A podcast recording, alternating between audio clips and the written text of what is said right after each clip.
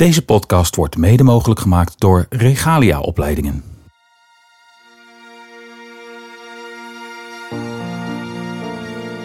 Ik vond het heel lastig om Stan als onderdeel van ons gezin te zien. Uh, maar ook om hem niet als onderdeel van ons gezin te zien. Dat vond ik heel lastig. Vandaag ga ik in gesprek met uh, Ilse en Jeanne Beijer. Voor mij geen onbekende, want het zijn mijn eigen dochters. Meiden, ik kan iedereen interviewen, maar dit voelt heel gek. Ja, dit is heel raar. Uh, ja. En Jeanne zei net voordat we begonnen... laten we gewoon doen alsof we thuis aan de keukentafel zitten... Um, iets netter praten, iets rechterop zitten, omdat we op beeld komen natuurlijk ook. Uh, maar verder um, is dat wel de bedoeling. We zijn bezig met een serie podcasts over stilgeboorte. Uh, nu is jullie broertje Stan onderdeel van ons gezin ergens nog. Er wordt niet heel veel meer over hem gesproken. Maar jullie zijn wel nou ja, opgegroeid in een gezin waar stilgeboorte heeft plaatsgevonden.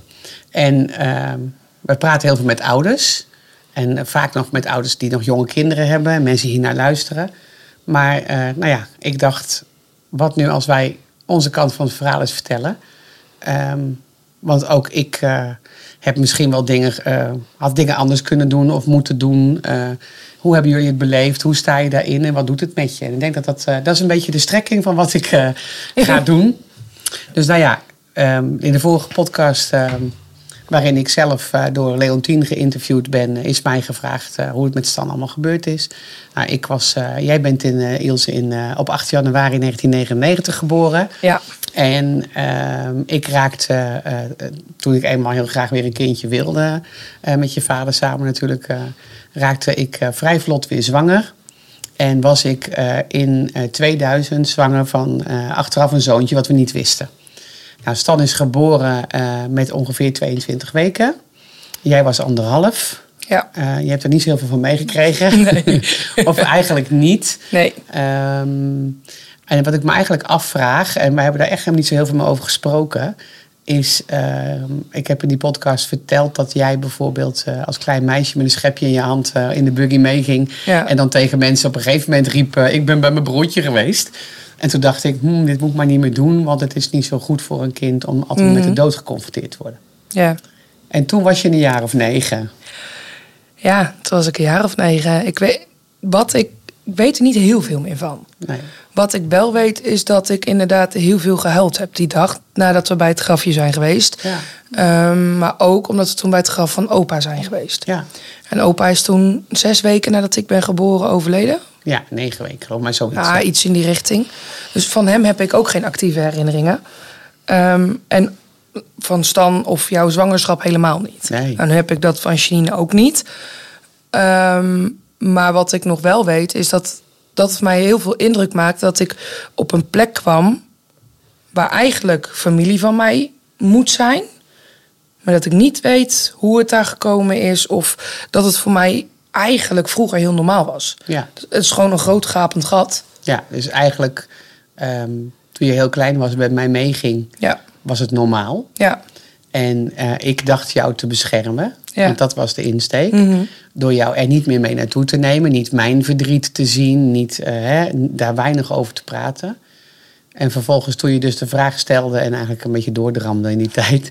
En met mij meeging naar het kerkhof. Uh, werd je totaal overvallen door het feit dat, er, dat de dood sowieso de dood was. ja, Ehm, maar ook wat je zegt, dat je niet wist hoe ze daar gekomen waren en een stukje onwetendheid. ja, Nou, een van de, de redenen ehm, dat, uh, dat ik dit nu anders doe en anders adviseer Ja. aan ouders.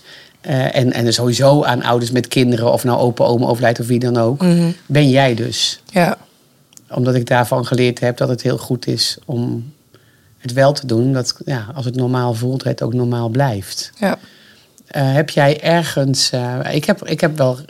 Nou, we hebben wel over Stan gesproken. Ja. Ik weet dat ik uiteindelijk uh, heel nieuwsgierig werd naar Stan. Of in ieder geval, hoe zou die eruit zien? Want je hebt me altijd verteld dat de verloskundige en de verpleegkundige gezegd hebben... hij lijkt op je dochter. Dat ik echt denk, ja, maar hoe ziet dat er dan uit? En nu ben ik iemand die van voor en achter alles wil weten... en wil weten hoe het werkt. En toen heb je me altijd verteld, toen nog in het oude huis... hier ligt een babydoos van Stan, maar daar mag je niet Ja. aankomen... Ja. Dan zouden we hem samen een keer bekijken. Nou, die poging is pas mislukt. Ja. Toen kwamen we achter mijn babydoos. Ja. Maar ehm, nu ik door het werk in de uitvaartzorg ook vaak stilgeboren kinderen heb gezien, heb ik die nieuwsgierigheid niet meer. Minder, ja. Ja, nee, maar het, stukje willen begrijpen van wat er na mij gekomen is, dat wel. Of van hé, hey, wat, wat was jouw negen maanden dagboekje? Ja. Dat wel, maar de drang om de foto's te zien die er gemaakt zijn, of wat dan ook, die heb ik niet meer. Gelukkig. Omdat we er heel Ja. veel over gepraat hebben. Omdat, en omdat ik het ook gewoon gezien heb bij andere families waar ik bij betrokken Ja. ben geweest. Dus het is wel zo dat we het hebben over het jaar 2000. Hè? Ja. Dus het is eh, dit jaar 23 jaar geleden. Ja. En in die tijd bestond er geen stichting Stil. Nee. Er bestond er geen eh, make-up memory of wat dan ook. Dus er kwam geen fotograaf die op een hele mooie manier tegenwoordig Ja. eh, dingen in beeld brengt. Dus ik heb geen foto's van zijn handje op mijn vingertje. het voetje wat we vasthouden zonder dat het eng is. En, wat wij hebben is een, een klinische foto van een babytje van nou ja, 19 of 20 centimeter Ja. in de vorm van een Barbiepop. eh waarvan het ook nog zo is dat een hoofdje, eh de fontanelletjes en zo, hè, de schedel nog niet Nee. helemaal aangemaakt is. Dus eh, het, een, een lange. Ik zei wel eens tegen jullie en ik tegen alle mensen wel gezegd, ja, hij leek een beetje. Dus niet te oneerbiedig. Ja, jullie lachen nu, maar het, hij leek een beetje op Lampie van, van Willy Wortel. ja, maar dat komt in het lange hoofd. Ja, en, dat, en dat zeg ik met heel veel liefde. Ja, nee, maar dat, Maar dat is wel, weet je, en hij was natuurlijk wat langer in mijn buik overleden. Dus hij Ja. was wat donkerrood. En bla- het is niet, en, en kindje, en ik denk dat ik jullie, nou ja, ik kan me ook nu voorstellen, als ik dan andersom denk. En mijn moeder had tegen mij gezegd, daar ergens staat een doos van Stan, maar je mag er niet in kijken. Ja. Dat ik geheid die doos Ja. opengemaakt had een keer. ik heb heel vaak een poging gedaan, maar toen was ik nog niet zo lang als nu. Je kon er dus niet kon bij. ik er ook niet bij. Nee. En uiteindelijk vergeet je hem. Of in ieder geval, als je jouw kast opentrok, Ja. dan zag je altijd die doos liggen. Maar uiteindelijk, die nieuwsgierigheid verdween. Ja, Dat heb ik, Oh, eh, dik- ik nooit gehad. nee. Ik weet nog dat jij heel goed, dat ik een keer bij jou op bed zat, had ik die doos nog nooit gezien. En toen zei ik, wat is dat? Toen zei hij, dat is de doos van Stan, maar die mag je echt niet openmaken. En iedere keer als ik die kast openmaakte, dacht ik, misschien zit Stan daar wel in dan. Terwijl ik Oh, wist dat hij een grafje had. Ja. Ja, maar ik had Ja. daar echt eh, zoiets van, daar zit zoiets engs Ja. in. Daar mag ik echt niet aankomen. Weet je, en, en eh, dat heb ik allemaal gedaan met de beste bedoelingen. Ja. Ja. Niet wetend, ehm, toen ik dit vak zelf ging uitvoeren als uitvaartondernemer, dat is natuurlijk ook pas ruim zeven jaar. Ja. ehm, toen ben ik heel erg veranderd hierin. Mhm. En, en kan ik uit, eh, en, nou ja, ben ik me daar denk ik zelfs in gaan specialiseren. eh, om ouders te begeleiden naar kinderen toe. Om ze juist wel overal bij te betrekken. En het, het raakt me ook hoor. Het raakt me ook dat ik dan denk. Oh, je- waarom, en daarom is het de reden dat, eh, dat ik jullie die foto wel wilde laten zien pas. Hè? En dat we daar een, een familiemomentje van maakten met Thomas en, en samen Ja. eten. En dat jullie uiteindelijk naar zolder gingen, want we zijn natuurlijk verhuisd. En dat alles boven tafel is gehaald, behalve zijn doos. Dus het was niet de dag dat we het mochten zien, denk Nee. ik nu. Nee. Ehm, maar nou ja, ik wilde geen ideaalbeeld van hem maken, maar het, was best wel, het, Ja. het, het is best wel heftig om te zien. En voor mij natuurlijk niet. En, en hij lijkt inderdaad, hij heeft jullie inmiddels, want hij lijkt op jullie. Ja. Eh, hij heeft jullie neusje, eh, dezelfde mond. Hè, en dat, eh, Ja. dus dus dat, dat, dat is er wel. Eh, en tegelijkertijd denk ik nu, jeetje, als ik die foto gewoon op tafel had gelegd vanaf begin af aan, of zullen we eens kijken in de doos van Stan? Jullie als kind waren daar niet van geschrokken. Nee. nee je had misschien gezegd, zo ziet mijn Barbie Pop er ook uit. Of, eh, hè, of hij lijkt op Lampie. Ja. Nee, Ja. maar ik bedoel, er was waarschijnlijk een kinderopmerking gekomen. Ehm, maar ik heb dus onbedoeld de beladenheid eraan gegeven. Dat Ja. treft me nu ook hoor. Niet dat ik er emotioneel maar dat ik denk, oh, vooral als ik dan jou, onze beelddenker, hoor zeggen, misschien zat Stambel in die doos. Dan denk ik voor jou even, ja, ik zie dat je je ook raakt Ja. emotioneel nu. Ja. Hmm. Ja, je brengt je even terug naar alles. En wat je. Dat, hè, nu komen ook herinneringen boven die ik eigenlijk nooit echt eh, bewust heb eh, gehad of zo. Maar ik weet dat wij ooit, toen we heel jong waren, eh, bij het grafje van Stan zijn geweest. En toen net daarna hadden we een thema op school over je gezin. En toen dacht ik, ja, met wie woon je samen? Ik, of waar bestaat je gezin uit? Ja, papa, mama, mijn zus Ilse. En toen voor het eerst weet ik nog dat ik twijfelde... toen zei ik, ja, ik heb een broertje. Maar ja, die is dood. En die is stilgeboren, die heb ik ook niet gekend. Dus ja, dat is eigenlijk niet mijn broer. Ja. En dat maakt, daarna heb ik best wel uh, met vragen daar ook rondgelopen. Ik, ik heb heel lang het idee, ik vond het heel lastig om Stan als onderdeel van ons gezin te zien. Ja. Uh, maar ook om hem niet als onderdeel van ons gezin te zien. Dat vond ik heel lastig. En ook toen wij verhuisden naar het nieuwe huis vijf jaar geleden. Toen hadden we nieuwe foto's van ons hangen. En toen had jij een schilderij met een vlinder. En die zette je toen uh, in de keuken neer. En zei je zo, daar mijn meiden en hier mijn zoon. Ja. En toen dacht ik... Vond ik dat heel raar op een gegeven moment van... Uh, dat ik ook niet wist... Inmiddels hebben we er heel veel over gepraat. Ja. Maar niet wist van... Zien jullie hem nog steeds als zoon? Of is het iets wat gewoon afgesloten is? En is het dan mijn broer of is het alleen jullie zoon? Ja. En uh, welke rol heb ik daarin? En moet ik daar wel aan denken of niet aan denken? Ja. En dat, uh, dat vond ik altijd heel lastig. Ja, ja. Dat snap ik heel goed. En uh, nou ja, ik, hoop ooit oma te worden. en dat het allemaal goed mag gaan. Maar dan zal je zien dat je als moeder zijnde dus soms uh, beslissingen neemt waarvan ja. je later denkt, oh, dat is niet helemaal handig geweest. Met de, met de beste intenties. En ik weet dat dat zo geweest is. Um, even handig, nee, misschien niet. Tegelijkertijd maakt het jullie ook uh, naar wie je bent. En ja. um, moet ik dan aan jou denken, Jean, wetend dat uh, tegen de tijd dat deze podcast uit is dat is met een paar weken dat ook jouw boekje uitkomt. Jouw kinderboekje, wat heet Stil. Mhm. Mm -hmm. Mijn broertje slaapt niet, maar hij is stil geboren. En dat ja. ook een zusjeversie is. Uh, dus, dus schijnbaar door hetgene wat wij meegemaakt hebben... en de, nou ja, noem het fouten die ik gemaakt heb...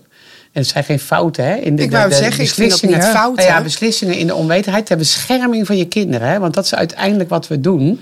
Uh, elke ouder, denk ik, wil dat het heel goed gaat met zijn, met zijn ja. of haar kinderen. Uh, dus uit bescherming heb ik soms dingen gedaan. Uh, waarvan ik later denk, oh ja, ik weet dat het wel zo verstandig gepraat hebben. Maar vooral toen jullie kleiner waren. Ik ging bijvoorbeeld eh, meestal op zijn sterf. Ik kwam niet heel veel bij het grafje. Ik ben niet nee. zo'n moeder die elke dag met een plantje en een dingetje. Maar rond zijn sterfdag Ja. dan... eh, eh, en, en zeker de eerste jaren was jij nog heel klein, maar begon het echt wel te jeuken. Eh, dan wilde ik erheen. Ehm, dat nam af, toen, jij was vier toen Janine geboren is. Dat nam wel iets af in die tijd. Ik wilde er met moederdag altijd naartoe en met eh, zijn verjaardag, 24 november. En ik weet dat ik, eh, toen ik jou eenmaal had, moederdag op een gegeven moment ook over begon te slaan of zo. Maar toen kwam jij met cadeautjes van school thuis en dan zit je een beetje in die fase. Ehm, soms ging het dan wel hoor, eventjes op zaterdag of wat dan ook. En ik wilde ook altijd alleen, want ik wist dat het wel een soort verdriet bij me losmaakte. En dat wilde ik vooral niet aan jullie laten zien. Dus ik, ik, ik en, en op een gegeven moment, na een aantal jaren, was het zelfs zo dat ik dacht. eh, eerst ben je er weken mee bezig tot aan het moment. En dan voel je je eigenlijk niet lekker. En, uh, en dat er een jaar was, en dan waren je denk ik, eh, nou ja, acht en vier of zo. Dat, eh, dat ik op een gegeven moment eh, tegen mijn oma zei: Ik ben helemaal niet lekker. Gewoon helemaal niet. En janken. En even bij mijn moeder aan de telefoon het verhaal. Zei ze, ja, dat kan ook bijna niet, hè? Want eh, over twee dagen is ook de dag van Stan. Toen dacht ik: Oh, oké. Want hij staat bij oma op de verjaardagskalender. En uh, toen dacht ik: uh, Oh, oké. Daar komt het dus vandaan. En 9 van de 10 keer, als ik er dan geweest was, vond ik ook niet wat ik moest vinden. En was het ook weg. En ik heb. Um, kijk, voor mij. Uh, ja, hij hoort bij ons gezin. Ja. En tegelijkertijd staat er op zijn steentje veilig in Jezus' armen. En ik weet dat ik uit het ziekenhuis reed naar het nieuws. Ik ben ook alleen naar het ziekenhuis toen geweest. Jij was heel klein nog bij oma. Um, ik ben naar huis gereden. En vanaf het moment dat ik in de, de, bij de gynaecoloog naar buiten stapte, ging het kinderliedje in mijn hoofd. Uh, jij bent veilig in Jezus' armen, veilig ben jij bij hem. En dat heb ik gezongen tot ik thuis was. Dat heeft twee dagen door mijn hoofd gezongen. Dus er kon ook maar één tekst op. Ja, ik wilde een heel gedicht, maar opa en papa vonden Ja, het allemaal. Hè? De- dat, uh, dus, uh, maar uiteindelijk wilde ik dat er wel op hebben.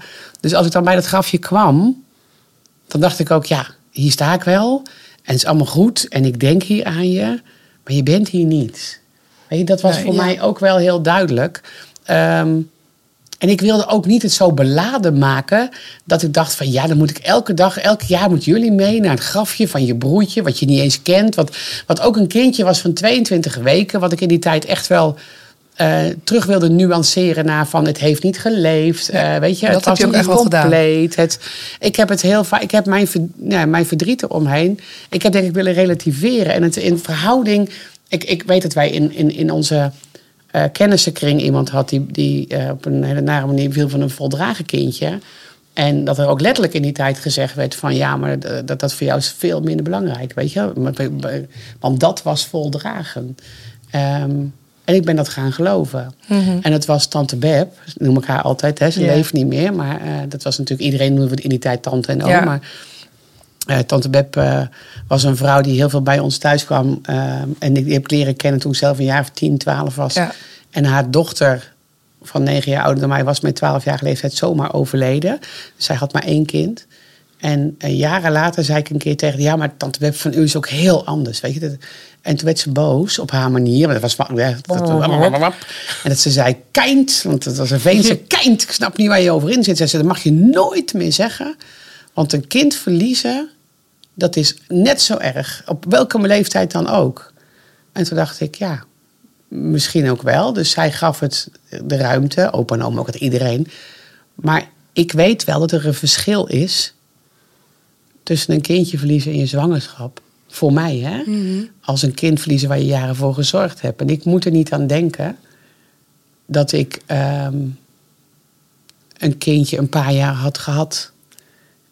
En een jasje aan de kapstok had gehad en het had geknuffeld en gedaan. En, en, en dan afscheid van had moeten nemen. En tegelijkertijd zei ik ooit tegen iemand. Haar kindje had een week geleefd. Toen zei ik, oh, ik ben blij dat ik dat niet had. Toen zei ze, Simone, maar ik heb het vastgehouden. Ik weet hoe het ruikt en ik weet hoe het eruit zag. En toen zei ze, dus ik ben blij dat ik het wel heb gehad. En ik geloof dat je dat allemaal op je eigen manier doet.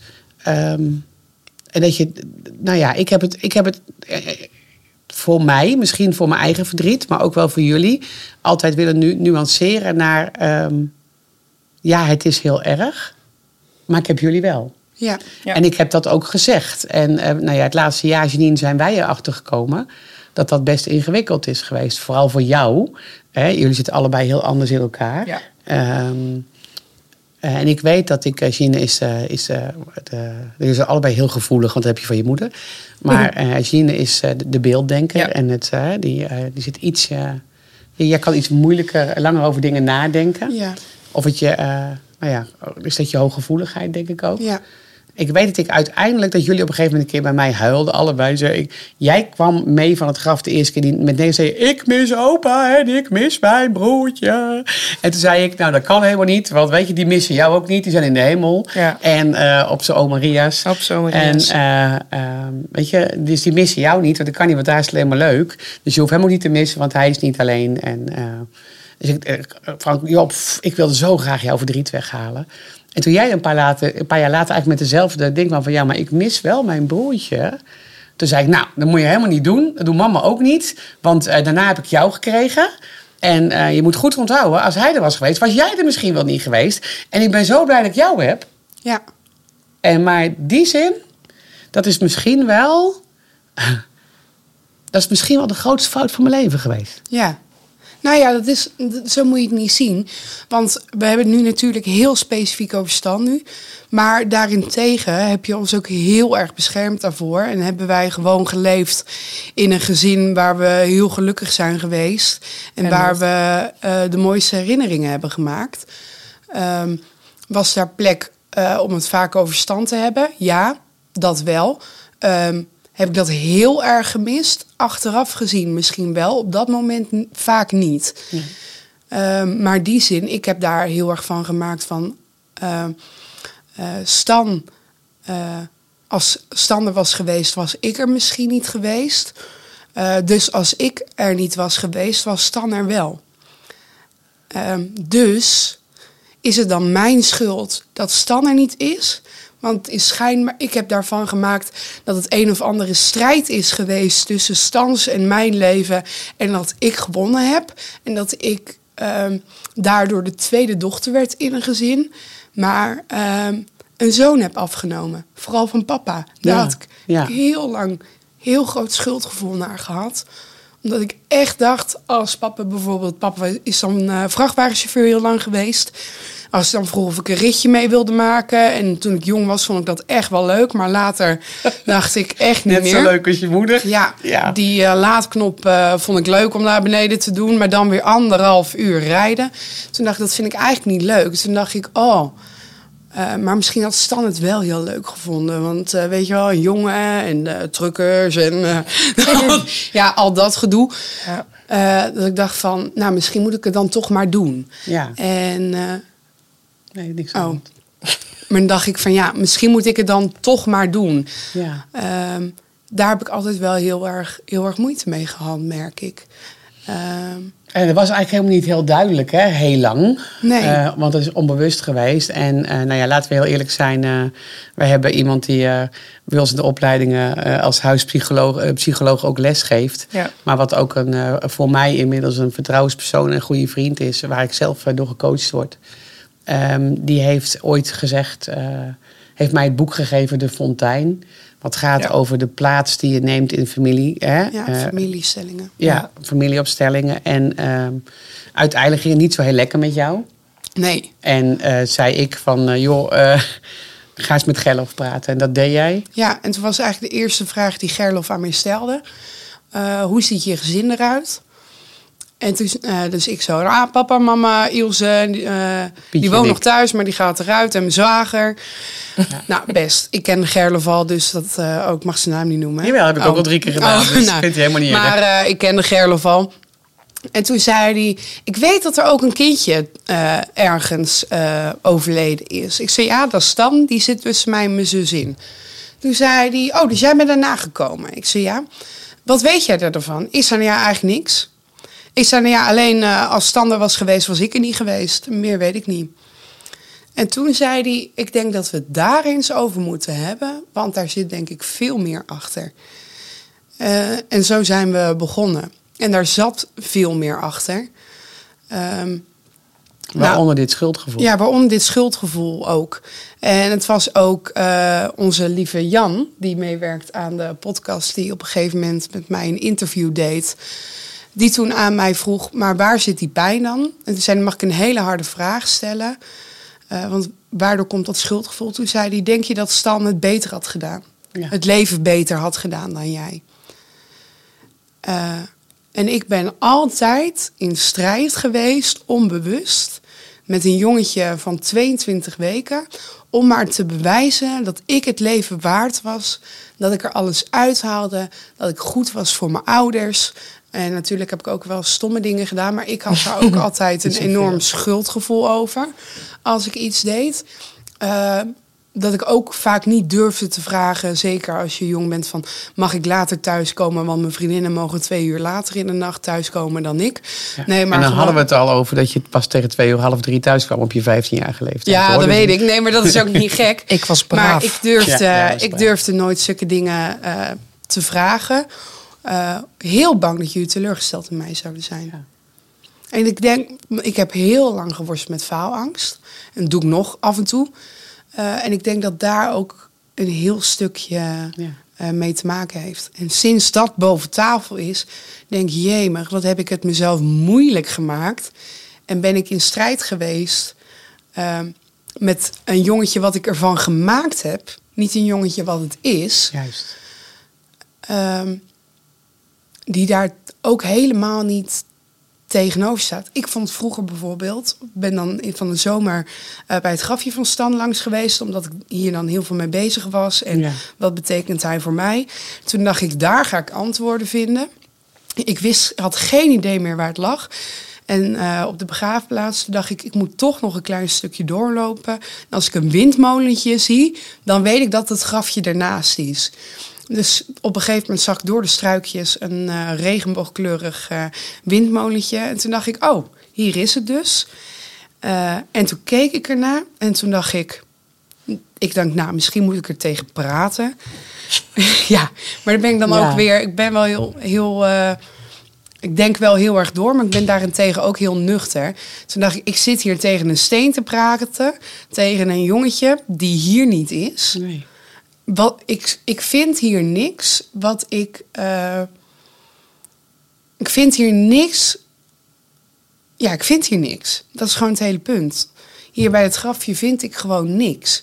Behalve dat de naam Beijer erop stond. En lieve Stan.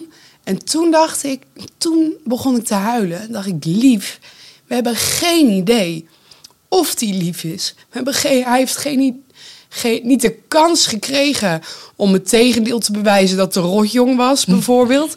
Maar ook niet de kans gekregen om fouten te maken, om ruzie te maken met zijn ouders, uiteindelijk terug te komen, omdat zijn hart wel lief is van binnen. Ehm, wat ik wel zeker weet is dat hij geliefd is, maar het doet mij soms best wel heel veel pijn dat ik zo graag had willen weten eh, of hij dan daadwerkelijk een broer voor me zou zijn. En daarentegen heb ik een hele lieve zus en kom ik helemaal niks tekort. Ehm, maar dat was ook wat ik in dat gedichtje schreef op zijn, eh, op zijn verjaardag. Van eh, er is geen leegte meer eh, in ons huis. Er is geen leegte meer in ons hart. En er is geen leegte meer in ons thuis. Maar er was wel plek voor jou geweest. Ja. En ik denk dat dat ook het punt is van het verdriet. En of je dat nou, wat jij net zegt, over met een jong kindje hebt die wel een paar jaar geleden eh, geleefd heeft. Of een kindje dat stilgeboren wordt met welke week dan ook. Ehm, het verdriet zit hem niet eh, in hetgene wat je vasthoudt. Eh, het verdriet zit hem in de herinneringen die je had willen maken. Ja. In een boek wat geschreven wordt, alleen de ontbrekende lege pagina's, die doen pijn. Niet de pagina's met herinneringen die er staan. Dat is sowieso rauw in het algemeen. ja. Ehm, dat zeg ik ook heel vaak bij een uitvaart als ik spreek. Van, de pijn zit niet in de geschreven hoofdstukken. De pijn zit in de lege pagina's die we nog zo graag hadden willen vullen. Nou, dat precies. En ik denk dat dat de kern is van Stan. Ik denk dat de stilgeboorte daar ook over gaat. Hè? En Of, of kindertjes die heel jong, eh, net na de geboorte overlijden. Dat je, je rouwt op een gegeven moment om de verwachting die er is. En ik heb dat, we hebben, wel, we hebben er wel eens over gehad. Hè? En een paar jaar geleden ook nog, eh, het komt regelmatig toen Thomas in het gezin kwam. Ja. Toen jouw eerste eh, lange relatie eh, bij ons eh, zat. En het uiteindelijk ging over, oh ja, we hebben ook nog een broertje. En dat ging dan gewoon onder de borrel even. Dus hè? Dat we er kort over praten. En dat we, dat we dan ook tegen elkaar zeiden van... Ehm, maar wat mensen doen, is een ideaal beeld maken. Dat hebben we zelf ook gedaan. En ja, en Ja. dat we zeiden, nou ja, weet je, ik- jij bent 1,80 meter en jij zit op de 1,74 meter. Zeg, wat grove gebouwd allemaal. eh, ehm, mooie. Maar dus, nou, hij zal vast wel ook. eh, zou hij de ogen van Ilse hebben of van, van Janine, weet je wel? En nou, krullen hadden jullie allebei. Eh, nou, misschien wel zo. En hij zal zeker wel een grote kerel zijn geweest. En met papa naar de voetbal. En Ja. ja, alles wat, wat, wat. Dat heeft nu Thomas, jouw, jouw vriend, eh, is dat aan inhalen met papa. Dus hij komt niks tekort. Maar ehm, het was een beetje een ideaalbeeld aan het worden. Hij zal ook wel misschien wel auto's zijn gaan wassen bij de vrachtauto. Omdat papa dat werk toen deed. Of het, het werd heel mooi. En dat jullie dat zaten te doen met elkaar. Ja. En dat ik het af...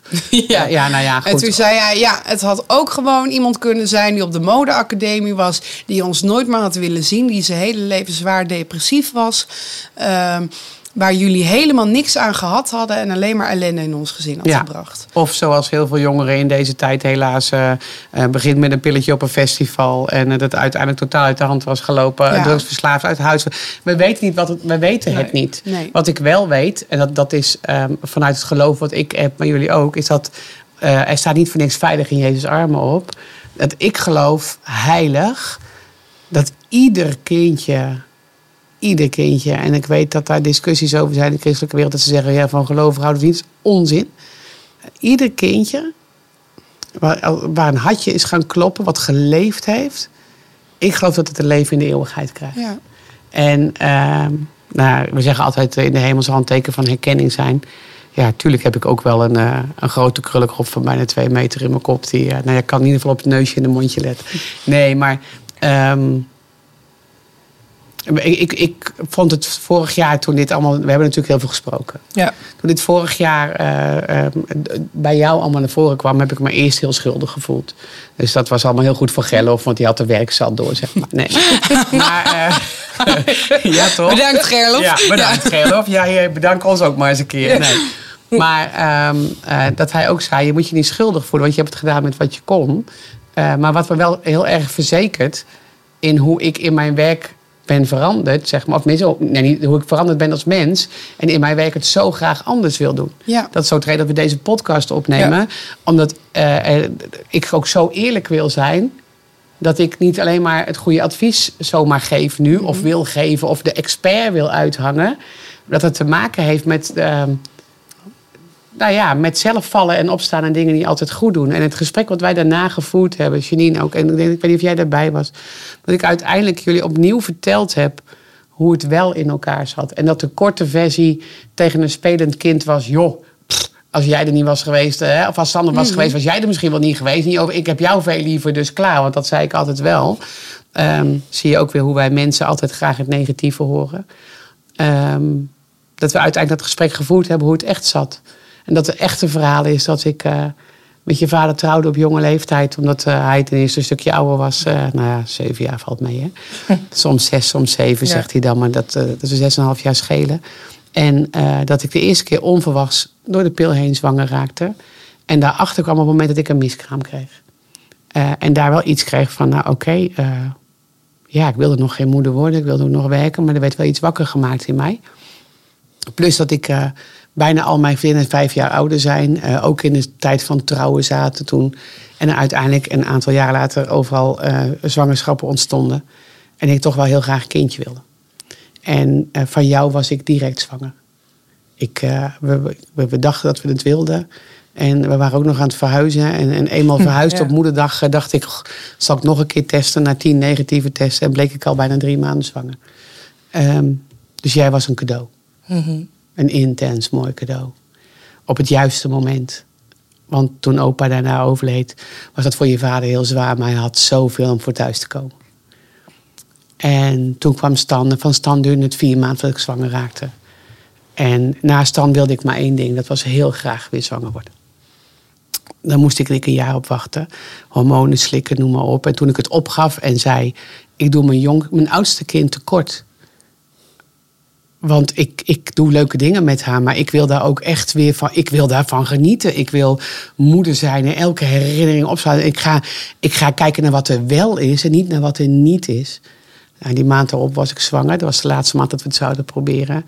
En kwam jij en jij maakte het ook nog eens heel spannend om in de zwangerschap. Ik had zelf gesteld, bij 22 weken was Stan geboren. Daarna gaat alles goed. En op de dag dat ik 22 weken was, op mijn verjaardag en iedereen naar huis ging. En je vader eh, met een biertje op, op bed belandde, eh, ging ik naar de wc en was alles bloed. En moesten wij met spoed naar het ziekenhuis.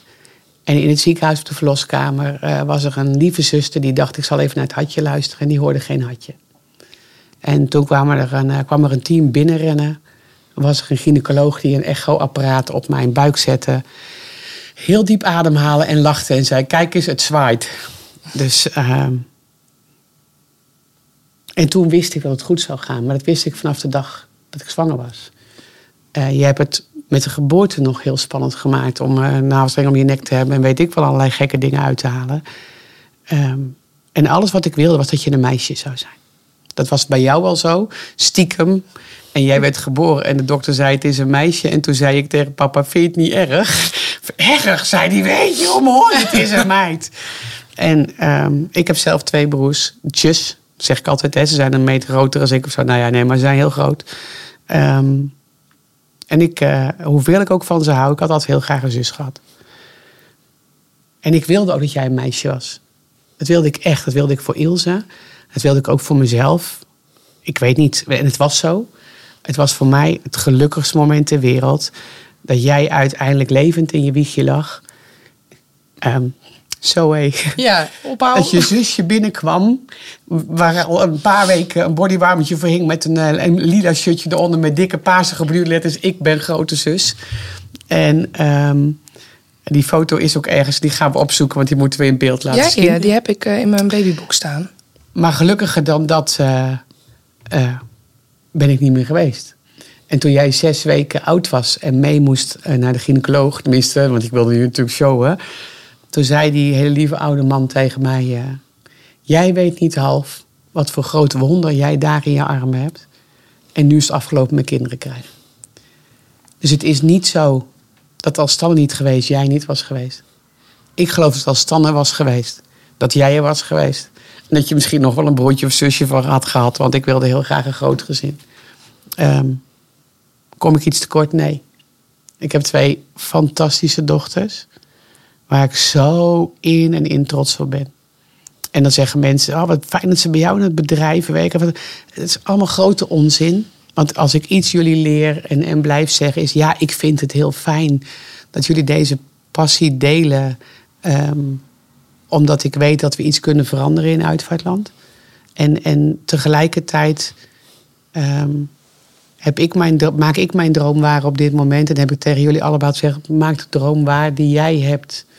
En ehm, nou, als je een grote broer... Uh, als je grote broer vanuit de hemel naar beneden zou kijken, als jouw kleine broertje dat zou kunnen, dan kan hij alleen maar heel trots zijn. Iemand zei ooit tegen mij: uh, alle kindjes die geboren worden, worden engelen. Mm.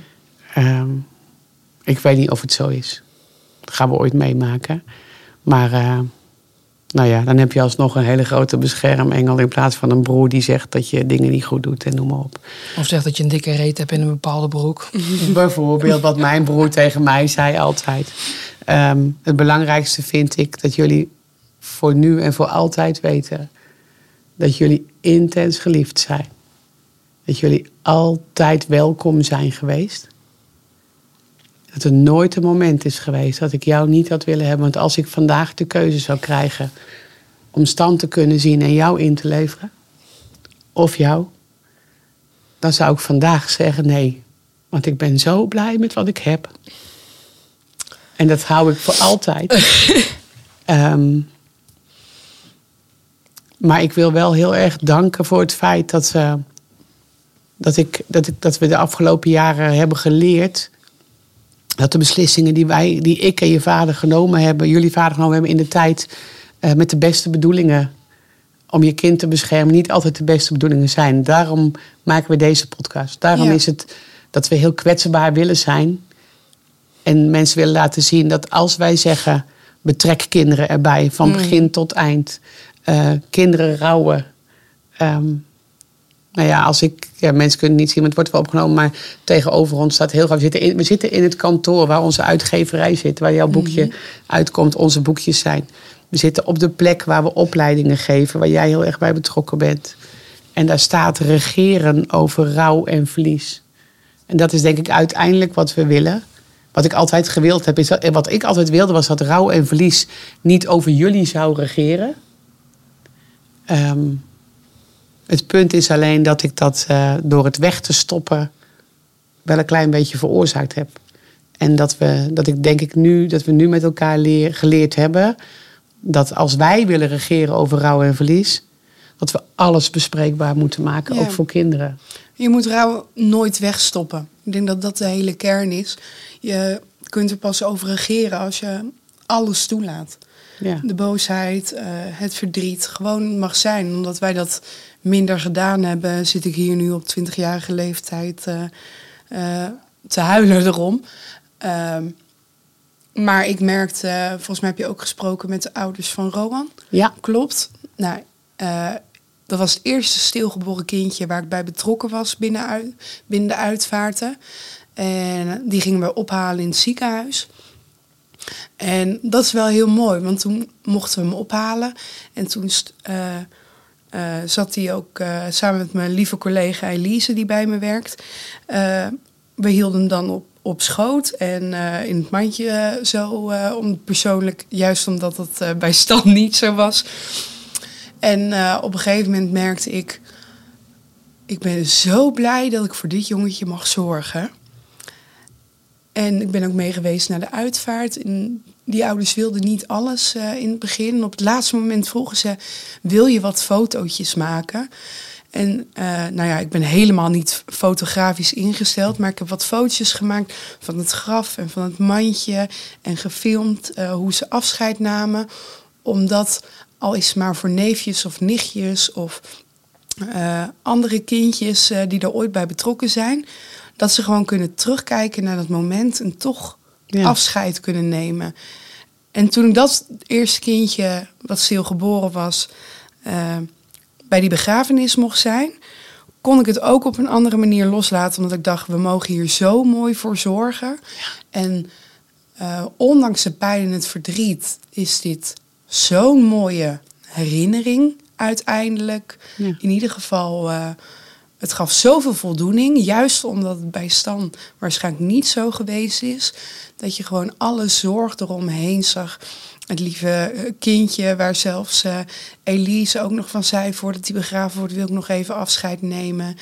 Uh, dat we met zo'n mooi team niet alleen voor het jongetje, maar voor de ouders en hopelijk ook voor opa en oma en iedereen die erbij betrokken was, mochten zorgen. Ja, dat is gewoon prachtig dat dat zo kan. En dan ben ik heel blij dat Stan dat. Uh,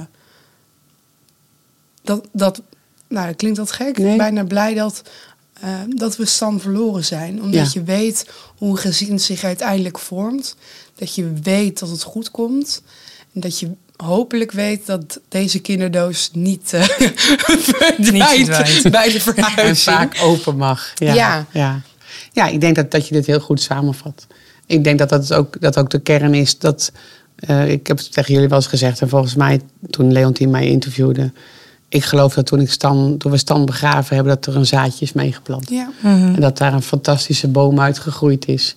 Uh, ja, met wat kromme takken, omdat het niet altijd groeit zoals je denkt dat het beste is maar waar uiteindelijk vruchten aan hangen. En dat we die mogen uitdelen aan de mensen om ons heen. Mhm. Ik denk dat we altijd dachten dat Stan een boom van een kerel zou zijn. Ja. Maar ik denk dat er een boom van liefde en, en binnen bedrijven uitgegroeid is. Ja, ja. Dat de vrucht die daaruit ja. ja, dat, dat, ja, nou, dat is misschien wel heel mooi. Ik voel een nieuw schilderij aankomen. Ik ook, ja. Lieve meisjes, dank jullie wel. Ja, graag gedaan de volgende keer dat je met mij wil spreken, graag even een afspraak maken, langer dan een half uur van tevoren. Ja. Het idee was dat we elkaar echt niet gesproken hebben voor deze. Ja, wel, we spreken elkaar zelf, maar niet hierover. nee. Wat is puur is. Als je nog één ding mag zeggen tegen ouders die dit meemaken op dit moment met jonge kinderen, wat zou je dan willen zeggen? Dat vraag jij mij. Ja, ik vraag bewust aan jou. Um, maak emotie bespreekbaar. Want. Ja.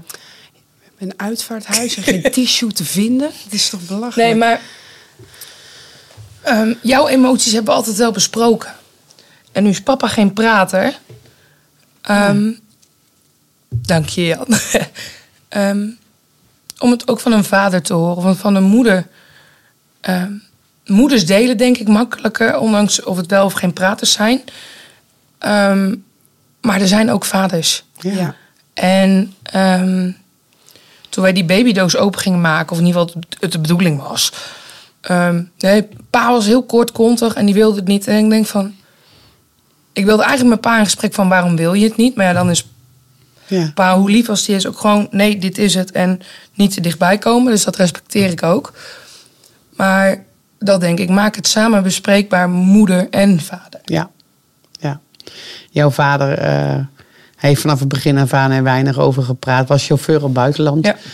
Uh, was een jaar daarvoor zijn vader verloren. Uh, dus, dus stapte vaak uh, op de auto ja. en was weg. En als ik er dan over wilde praten, dan zuchtte die. Dankjewel, Jan. Dan zuchtte die van, moet dit? Ja. Hè?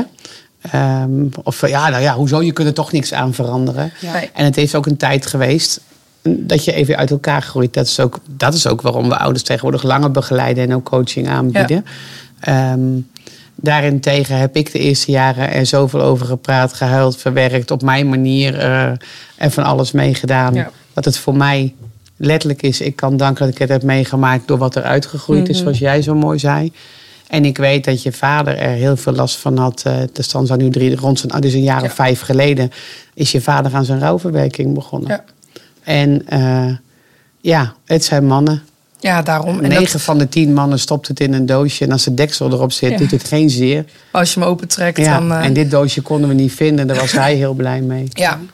En ik ben toen met jou een paar mee geweest. Uh, jij hebt toen twee, drie jaar terug rond jouw verjaardag een nieuw steentje gekregen. Ja. Verstands, in ieder geval Stan heeft een nieuw steentje nieuw op, steentje op ja. gekregen... Wat, onder, wat meer onderhoudsvrij was. Ja. En toen was ik met pa mee... En um, Of met, ja, met jullie allebei. Mhm. En dat vond ik wel heel fijn om te zien ook dat pa zei, ja, ik sta hier wel. Maar ja, Ik denk dat dat... wat doe ik hier? Nou ja, dat, dat ik dat van papa heb. Van ja, hier staat een steen, maar mijn zoon Ja. of mijn broertje is hier niet. Ja, Ja, maar dat heb ik zelf en ook niet hoor. tegelijkertijd is dat denk Ook. ik niet zo. Nee, maar... ehm, Want, maar hij kan het daar niet vinden. nou, dat. eh, Van, ja, en hier- jullie grabbelen ja. dan, en dan grabbelen we met z'n allen weer in die doos waar die deksel zo graag op moet zitten. Ja. Ja, ik heb met pa wel eh, toen dat gesprek, eh, toen dat interview met Jan had gehad, ben ik bij papa geweest. En eh, die was buiten aan het darten. Die zei, hey, hoe was het? Dus toen deden we samen een drankje. En toen zei ik, ik heb gewoon me heel lang schuldig gevoeld dat ik jou een zoon heb afgenomen. En toen zei hij, ik zou niet weten waar je dat vandaan gehaald hebt. Want zo heb ik het nooit gevoeld. Nee. En dat was zo goed om dat van papa Mhm. even te horen. En die had ook, toen ik erover vertelde, dat ik dacht dat eh, Stan het wellicht beter zou doen.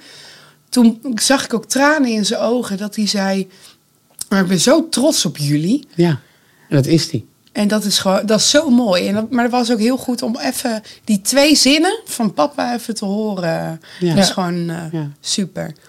Wat ik nog eh, ouders mee zou willen geven. Je kunt een rouwproces van een kind eh, niet makkelijker maken.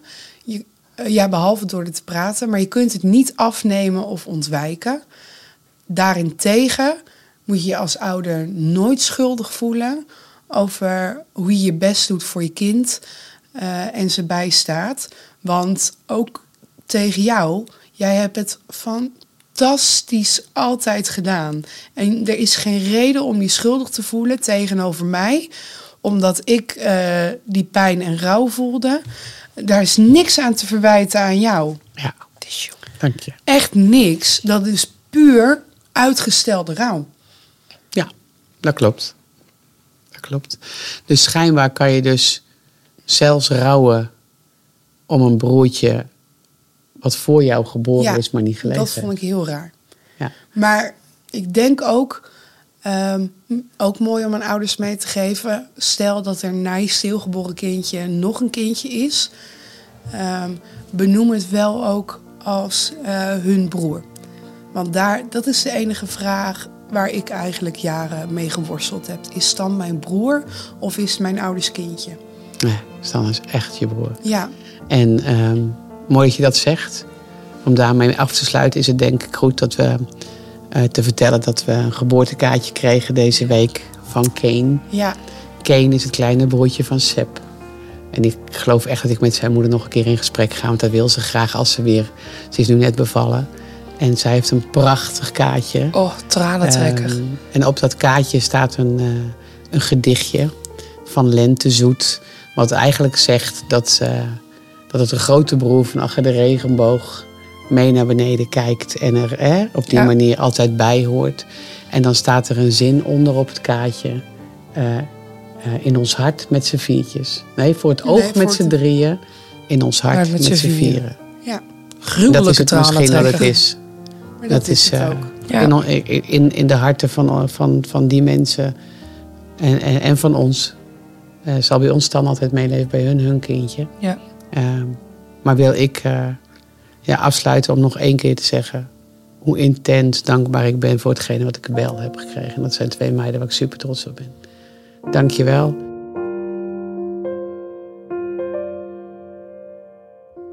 Heeft u naar aanleiding van deze podcast vragen en of opmerkingen? Neem dan gerust contact met ons op. Dat kan via e-mail, onze website of telefoon. Alle gegevens vindt u in de nadere informatietekst bij deze podcast.